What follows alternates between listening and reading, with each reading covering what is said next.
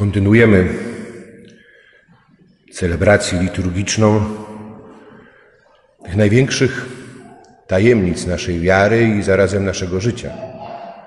Kontynuujemy, bo jak pamiętamy, ta celebracja rozpoczęła się wczoraj i trwa aż do zakończenia Wigilii Paschalnej i do uroczystej procesji rezurekcyjnej wokół świątyni. Wtedy, kiedy wyjdziemy na zewnątrz z radosnym Alleluja. I wczoraj pytanie, które stało przed nami, to pytanie, które zadał Jezus swoim uczniom, to było pytanie o to, czy rozumiecie to, co wam uczyniłem. I to pytanie, ono znajduje swoje rozwinięcie e, w dzisiejszej liturgii.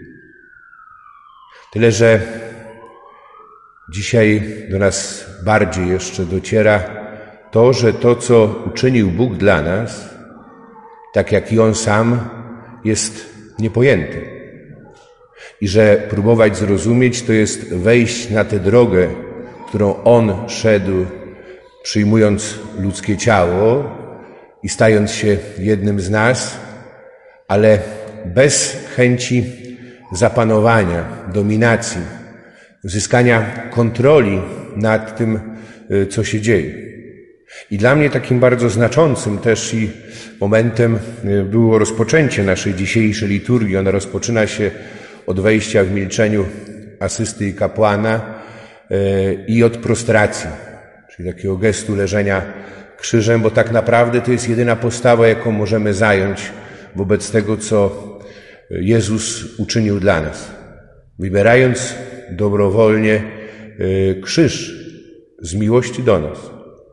I po to, abyśmy my byli zdolni do tego, aby kochać, żyć w miłości, po to, abyśmy mogli wzrastać w tej wolności, którą On nam na krzyżu wysłużył. Ale e, potrzeba do tego ciszy.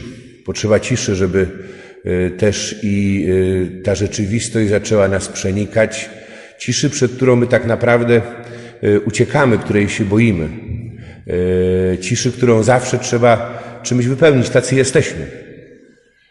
Ciszy, która tak naprawdę ujawnia to, że jesteśmy tak naprawdę zagubieni w życiu, że nie wiemy do końca, kim jesteśmy, po co żyjemy. I dla mnie taki znaczący moment był wtedy, kiedy jest czas jeszcze w milczeniu, E, i wypowiedzenie modlitwy e, na rozpoczęcie kolekty tej dzisiejszej liturgii i rozpoczął się już e, komentarz liturgiczny do czytań. I to jest czymś naturalnym, prawda? Bo jak jest cisza i ta cisza trwa dłużej, to jest coś znaczy, że coś nie gra, że coś się, że tak powiem, no, wymknęło spod kontroli. I w tym momencie ci wszyscy, którzy mają gdzieś tam jakieś zadania, myślą, czy to już nie na mnie kolej. I dla mnie to był bardzo ważny taki znak właśnie, ta cisza, której my tak naprawdę potrzebujemy, a której nie jesteśmy, czy nie potrafimy jej przyjąć i nie potrafimy o nią zawalczyć i której tak naprawdę nam brakuje i która jest czymś niezbędnym do tego, abyśmy mogli rzeczywiście wejść w tę rzeczywistość, do której jesteśmy zaproszeni. I to myślę, że bardzo ważne istotne. I to pytanie, czy wiecie, co dla Was e, uczyniłem? E, to jest e, pytanie, które stawia nam dzisiaj Jezus, ale to jest też i pytanie, które kilkunastu lat z Ewą Dąbrowską, dziennikarką Radia PIK z Bydgoszczy, przygotowujemy audycję na Wielki Piątek i ta dzisiejsza, która trwa, bo od 17 do 19, gdyby ktoś chciał, to potem będzie można ją odsłuchać w internecie.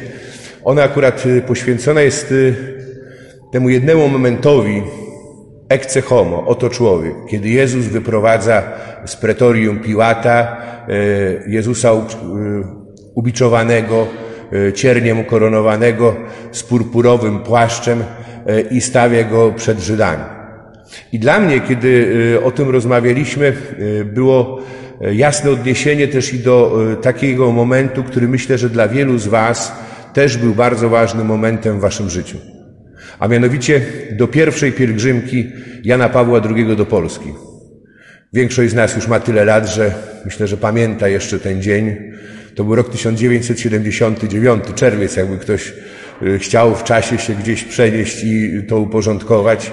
E, I msza na Placu Zwycięstwa w Warszawie, ta, na której papież wołał, niech stąpi duch Twój, odnowi oblicze ziemi, tej ziemi, ale tam, gdzie nawiązując do chrztu Polski, mówił właśnie o tym wielkim darze, jaki Kościół dał polskiemu narodowi, Polsce, a mianowicie dał Chrystusa. E, I mówił potem te słynne słowa, e, że człowieka nie można zrozumieć bez Chrystusa. I człowiek sam siebie nie może zrozumieć bez Chrystusa. Nie może zrozumieć tego, kim jest, nie może zrozumieć swojego powołania, nie może zrozumieć swojej misji, swojego przeznaczenia. I wtedy na Placu Zwycięstwa wybuchły oklaski. Owacja, która trwała 15 minut i która była natychmiast wyciszona i w transmisji telewizyjnej i radiowej. Ale to był ten moment, kiedy zgromadzeni odczuli ważność tych słów. I to jest to, kim ja jestem. Żeby zrozumieć, kim jestem, potrzebuję y, zadać pytanie o to, kim tak naprawdę jest Jezus. Ten Jezus, który staje przede mną, wyprowadzony przez y, Piłata, który mówi ecce homo, oto człowiek. Możemy powiedzieć, że Piłat z jednej strony, ktoś mógłby tak zinterpretować, y, i tak to czynili niektórzy z ojców Kościoła, a mianowicie, że próbuje wzbudzić litość e, w Żydach, którzy się zgromadzili e, i którzy przyprowadzili Jezusa po to, aby go e, osądził. Jezus, który nie ma w sobie, możemy powiedzieć, nic z takiej królewskości, jaka by odpowiadała naszym wyobrażeniom. Umęczony człowiek, skatowany, ociekający krwią, z koroną cierniową, dla szyderstwa przystrojony jeszcze płaszczem purpurowym. Ale możemy powiedzieć też, że to jest objaw też i wszechmocy, y, do jakiej dąży Piłat i innego wzoru człowieczeństwa, który jest jakby po przeciwnej stronie tego, czego nas uczy Jezus. Bo Piłat może w ten sposób chciał pokazać coś innego. Zobaczcie, zobaczcie, kim ja jestem i kim wy jesteście. Przyprowadziliście do mnie tego człowieka, bo się go boicie i chcecie go zabić moimi rękami. Boicie się tego, który ogłosił się królem. I zobaczcie, co ja z nim zrobiłem. I pomyślcie, co ja mogę zrobić z każdym z was i z całym waszym narodem. I mogę was wdeptać w ziemię i roznieść jak zwykłego robaka. I po was ślad nie zostanie. I czy w nas nie ma też i takiej zapalczywości? Bo to jest też i pytanie, że to też ujawnia prawdę. To nie chodzi o jakichś dyktatorów, prawda? Dzisiaj powiemy, nie wiem, o prezydencie Rosji, o kimś innym. Y, to odnosi się do mnie. Czy we mnie nie ma czegoś takiego, że wtedy, kiedy zostanę zraniony, albo wtedy, kiedy y, będę się czuł zagrożony, będę się lękał i ze strachu, czy y, nie dam się ponieść emocją i nie jestem w stanie tego mojego przeciwnika czy uczynić to, albo pragnąć tego, żeby go zniszczyć, ale zniszczyć do reszty, żeby po nim ślad nie został, żeby go wdeptać w ziemię i upokorzyć. I teraz stając przed Jezusem, Jezusem, który jest y, y, właśnie skatowany, ociekający krwią, y, to jest też i moment dla mnie do tego, abym się zatrzymał. Abym uderzył się w piersi i tak naprawdę zapłakał. To jest ten moment, kiedy Jezus daje mi tę szansę, żebym nie szedł dalej tą drogą. I choć dużo łatwiej jest y, wołać potem, żeby y, Piłat uwolnił Barabasza. Dlaczego? Bo to jest wybór, jakiego dokonują ci ludzie. Kogo chcecie? Tak naprawdę, jaki ideał życia wybieracie? Tego, który y, ideał życia przedstawia w miłości. Miłości, która jest darem składanym z samego siebie. Darem, który jest jakby, można powiedzieć, samounicestwieniem. I to jest to, co czyni Jezus, obmywając y, y, nogi swoim uczniom, y, o czym słuchaliśmy wczoraj, w czym wczoraj uczestniczyliśmy. Tu nie chodzi tylko o jakieś przyjazne gesty we wspólnocie, o wspieranie się, wybaczanie sobie jakichś drobnych uchybień, tylko chodzi o gotowość uczynienia z mojego życia bezinteresownego daru składanego Bogu, składanego moim braciom. I teraz, czy to jest taki ideał, który ja jestem gotów przyjąć? Czy raczej chciałbym mieć taką moc i władzę, jak ma Piłat, ale przynajmniej jak Barabasz. Barabasz, który był złoczyńcą i który, nie wiem, dla zdobycia bogactwa, e, takiego życia, jakie sobie wymarzył, e, łamał prawo e, do tego stopnia, że był przeciwstawiony Jezusowi jako kandydat do uwolnienia albo i do śmierci. To są pytania, które stają dzisiaj przede mną. I jest to wezwanie też do tego, żeby wpatrując się właśnie w Chrystusa ukrzyżowanego, ten wizerunek Chrystusa na krzyżu w taki czy w inny sposób e, przedstawiony w sposób artystyczny, ale chodzi tak naprawdę o ten wizerunek, który jest w moim sercu. Aby w niego się wpatrywać, aby uczynić z mojego życia też i nieustanną adorację tego, który z miłości do mnie oddał swoje życie. Bo ja nieraz to powtarzam i jestem o tym głęboko przekonany. Gdzieś w pewnym momencie do mnie to dotarło, że ten, który czynimy, bo y, to bardziej ujawnia właśnie naszą słabość i naszą, y, ja bym powiedział, brak miłości. Ja mogę pouczać kogoś, ja mogę komuś udzielać dobrych rad y, i to się będzie odnosiło do rodziców, choć tu nie wiem, głosiciele Słowa Bożego, ale tak naprawdę wszyscy. Ja mam prawo powiedzieć Ci, jak masz żyć. Ja mam prawo powiedzieć, nie czyń tego, wiecie kiedy? Wtedy, kiedy jestem gotów za Ciebie oddać swoje życie. Jeśli nie jestem gotów poświęcić mojego życia dla Ciebie, jeśli nie jestem gotów umrzeć za Ciebie, to nie mam prawa się odzywać. A kiedy się odzywam, to to jest brane jako właśnie, jako hipokryzja i mogą być mnóstwo dobrych rad i prawdziwych pouczeń ale bez miłości i bez gotowości do tej ofiary, takiej, jaką złożył Jezus Chrystus, to te wszystkie słowa, one stają się tak naprawdę nieskuteczne. Albo inaczej, odnoszą zupełnie przeciwny, przeciwny skutek. I być może to jest ten problem, dlaczego dzisiaj tak bardzo nam w Kościele brakuje młodych. Bo mi jest brak miłości. A ta miłość, która jest we mnie, ona jest bardziej w wymiarze pragnienia, ale nie ujawnia się w taki sposób, aby była w stanie poruszyć serca innych. Ale tak naprawdę to nie ja jestem Zbawicielem świata, tylko Jezus Chrystus. I to jest pytanie jeszcze inne. Skoro mnie nie stać na to, żeby ukochać Ciebie aż do śmierci, choć bardzo bym chciał i bardzo mi na Tobie zależy, to jedno mogę Ci ukazać. Tego jednego, który to uczynił. I uczynił to w sposób y, doskonały i absolutnie bezinteresowny. Z czystej miłości, z czystej miłości do Ciebie i do mnie. Umarł za mnie i za Ciebie, umarł za nas, przyjmując na siebie dobrowolnie całe to zło, które wyrażało się w y, ukrzyżowaniu. Cała droga krzyżowa, którą medytujemy i którą często przekształcamy w zwykłe moralizowanie, odnoszenie do takich czy innych rzeczywistości naszego życia, jakby w ten sposób zapominając czy odwracając wzrok od Chrystusa i od Jego jedynej i wyjątkowej ofiary. I z drugiej strony, ten Chrystus przyjmując na siebie krzyż, On stał się bliżej każdego i każdej z nas, każdego człowieka cierpiącego niż nawet Jego najbliżsi. I myślałem też i o tym, że nie ma straszniejszej rzeczy niż nie samotność, ale osamotnienie. Wtedy, kiedy człowiek nie tyle jest y, fizycznie oddalony od swoich bliskich, od przyjaciół, ale kiedy tak naprawdę nie ma nikogo bliskiego, nie ma nikogo, kogo mógłby się zwierzyć y, i y, kto mógłby go umocnić, pocieszyć, czy choćby wydawałoby się, że mało istotna rzecz, choć zaczęliśmy ją dużo bardziej doceniać po okresie COVID-u, kto by trzymał moją rękę wtedy, kiedy będę umierał?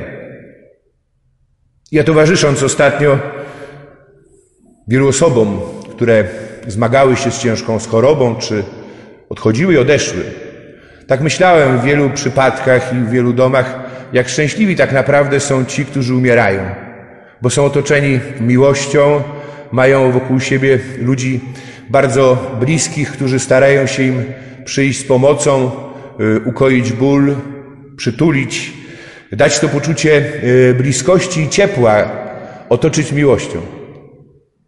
Ale tak naprawdę klucz jest gdzie indziej. Bo choćby przyszło nam umierać zupełnie samemu, to nie jesteśmy samotni, bo jest z nami Chrystus. Ten, który za nas umarł i zmartwychwstał. I On jest ze mną w moim cierpieniu.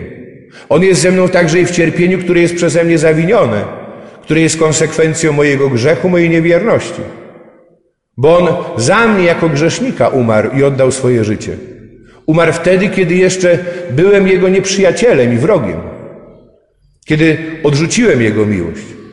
Ale On jest ze mną i jest w moim sercu i przy mnie w każdej sytuacji bólu, cierpienia, odrzucenia, załamania, wielkich trudności, kryzysu, ciemności, jakich w naszym życiu przecież i też nie brakuje. I gdyby się zapytać o powód do radości, to źródło tej radości jest w Chrystusie. Tym, który jest umęczony, ubiczowany, ociekający krwią, który na głowie ma koronę cierniową z moich grzechów i który idzie na krzyż, ale który też i yy, poprzez ten krzyż zwycięża zło, zwycięża śmierć i przywraca mi utraconą przeze mnie i upragnioną wolność. I daje mi możliwość życia zupełnie. I to poczucie bycia kochanym, które nie odsuwa ode mnie cierpienia, które nie uwalnia mnie od takich y, sytuacji, jakich jest wiele w moim życiu, ale daje mi to, że moje serce jest przepełnione też i radością, bo nie jestem sam. To wartościowe nie w sposób przeliczalny na jakiekolwiek tytuły, zaszczyty, formy uznania czy pieniędzy, ale przeliczalne, a tak naprawdę nieprzeliczalne, bo wartość tego, co Bóg ofiarował za mnie i za moje życie jest nieskończona. Jest warte krwi Jego Syna przeranej na krzyżu. I dlatego, kiedy dalej będziemy uczestniczyć w tej liturgii, ja Was gorąco zachęcam. Teraz będziemy modlić się w różnych y, ważnych intencjach, y, za które modli się cały Kościół. My w całej wspólnocie Kościoła ta uroczysta e, modlitwa powszechna, która w liturgii Wielkiego Piątku ma szczególne znaczenie. W ubiegłym roku było w niej dodatkowe wezwanie o tych, którzy zmagali się z chorobą koronawirusa, którzy doświadczali e, różnych konsekwencji, zagrożenia, przeżywali śmierć swoich bliskich.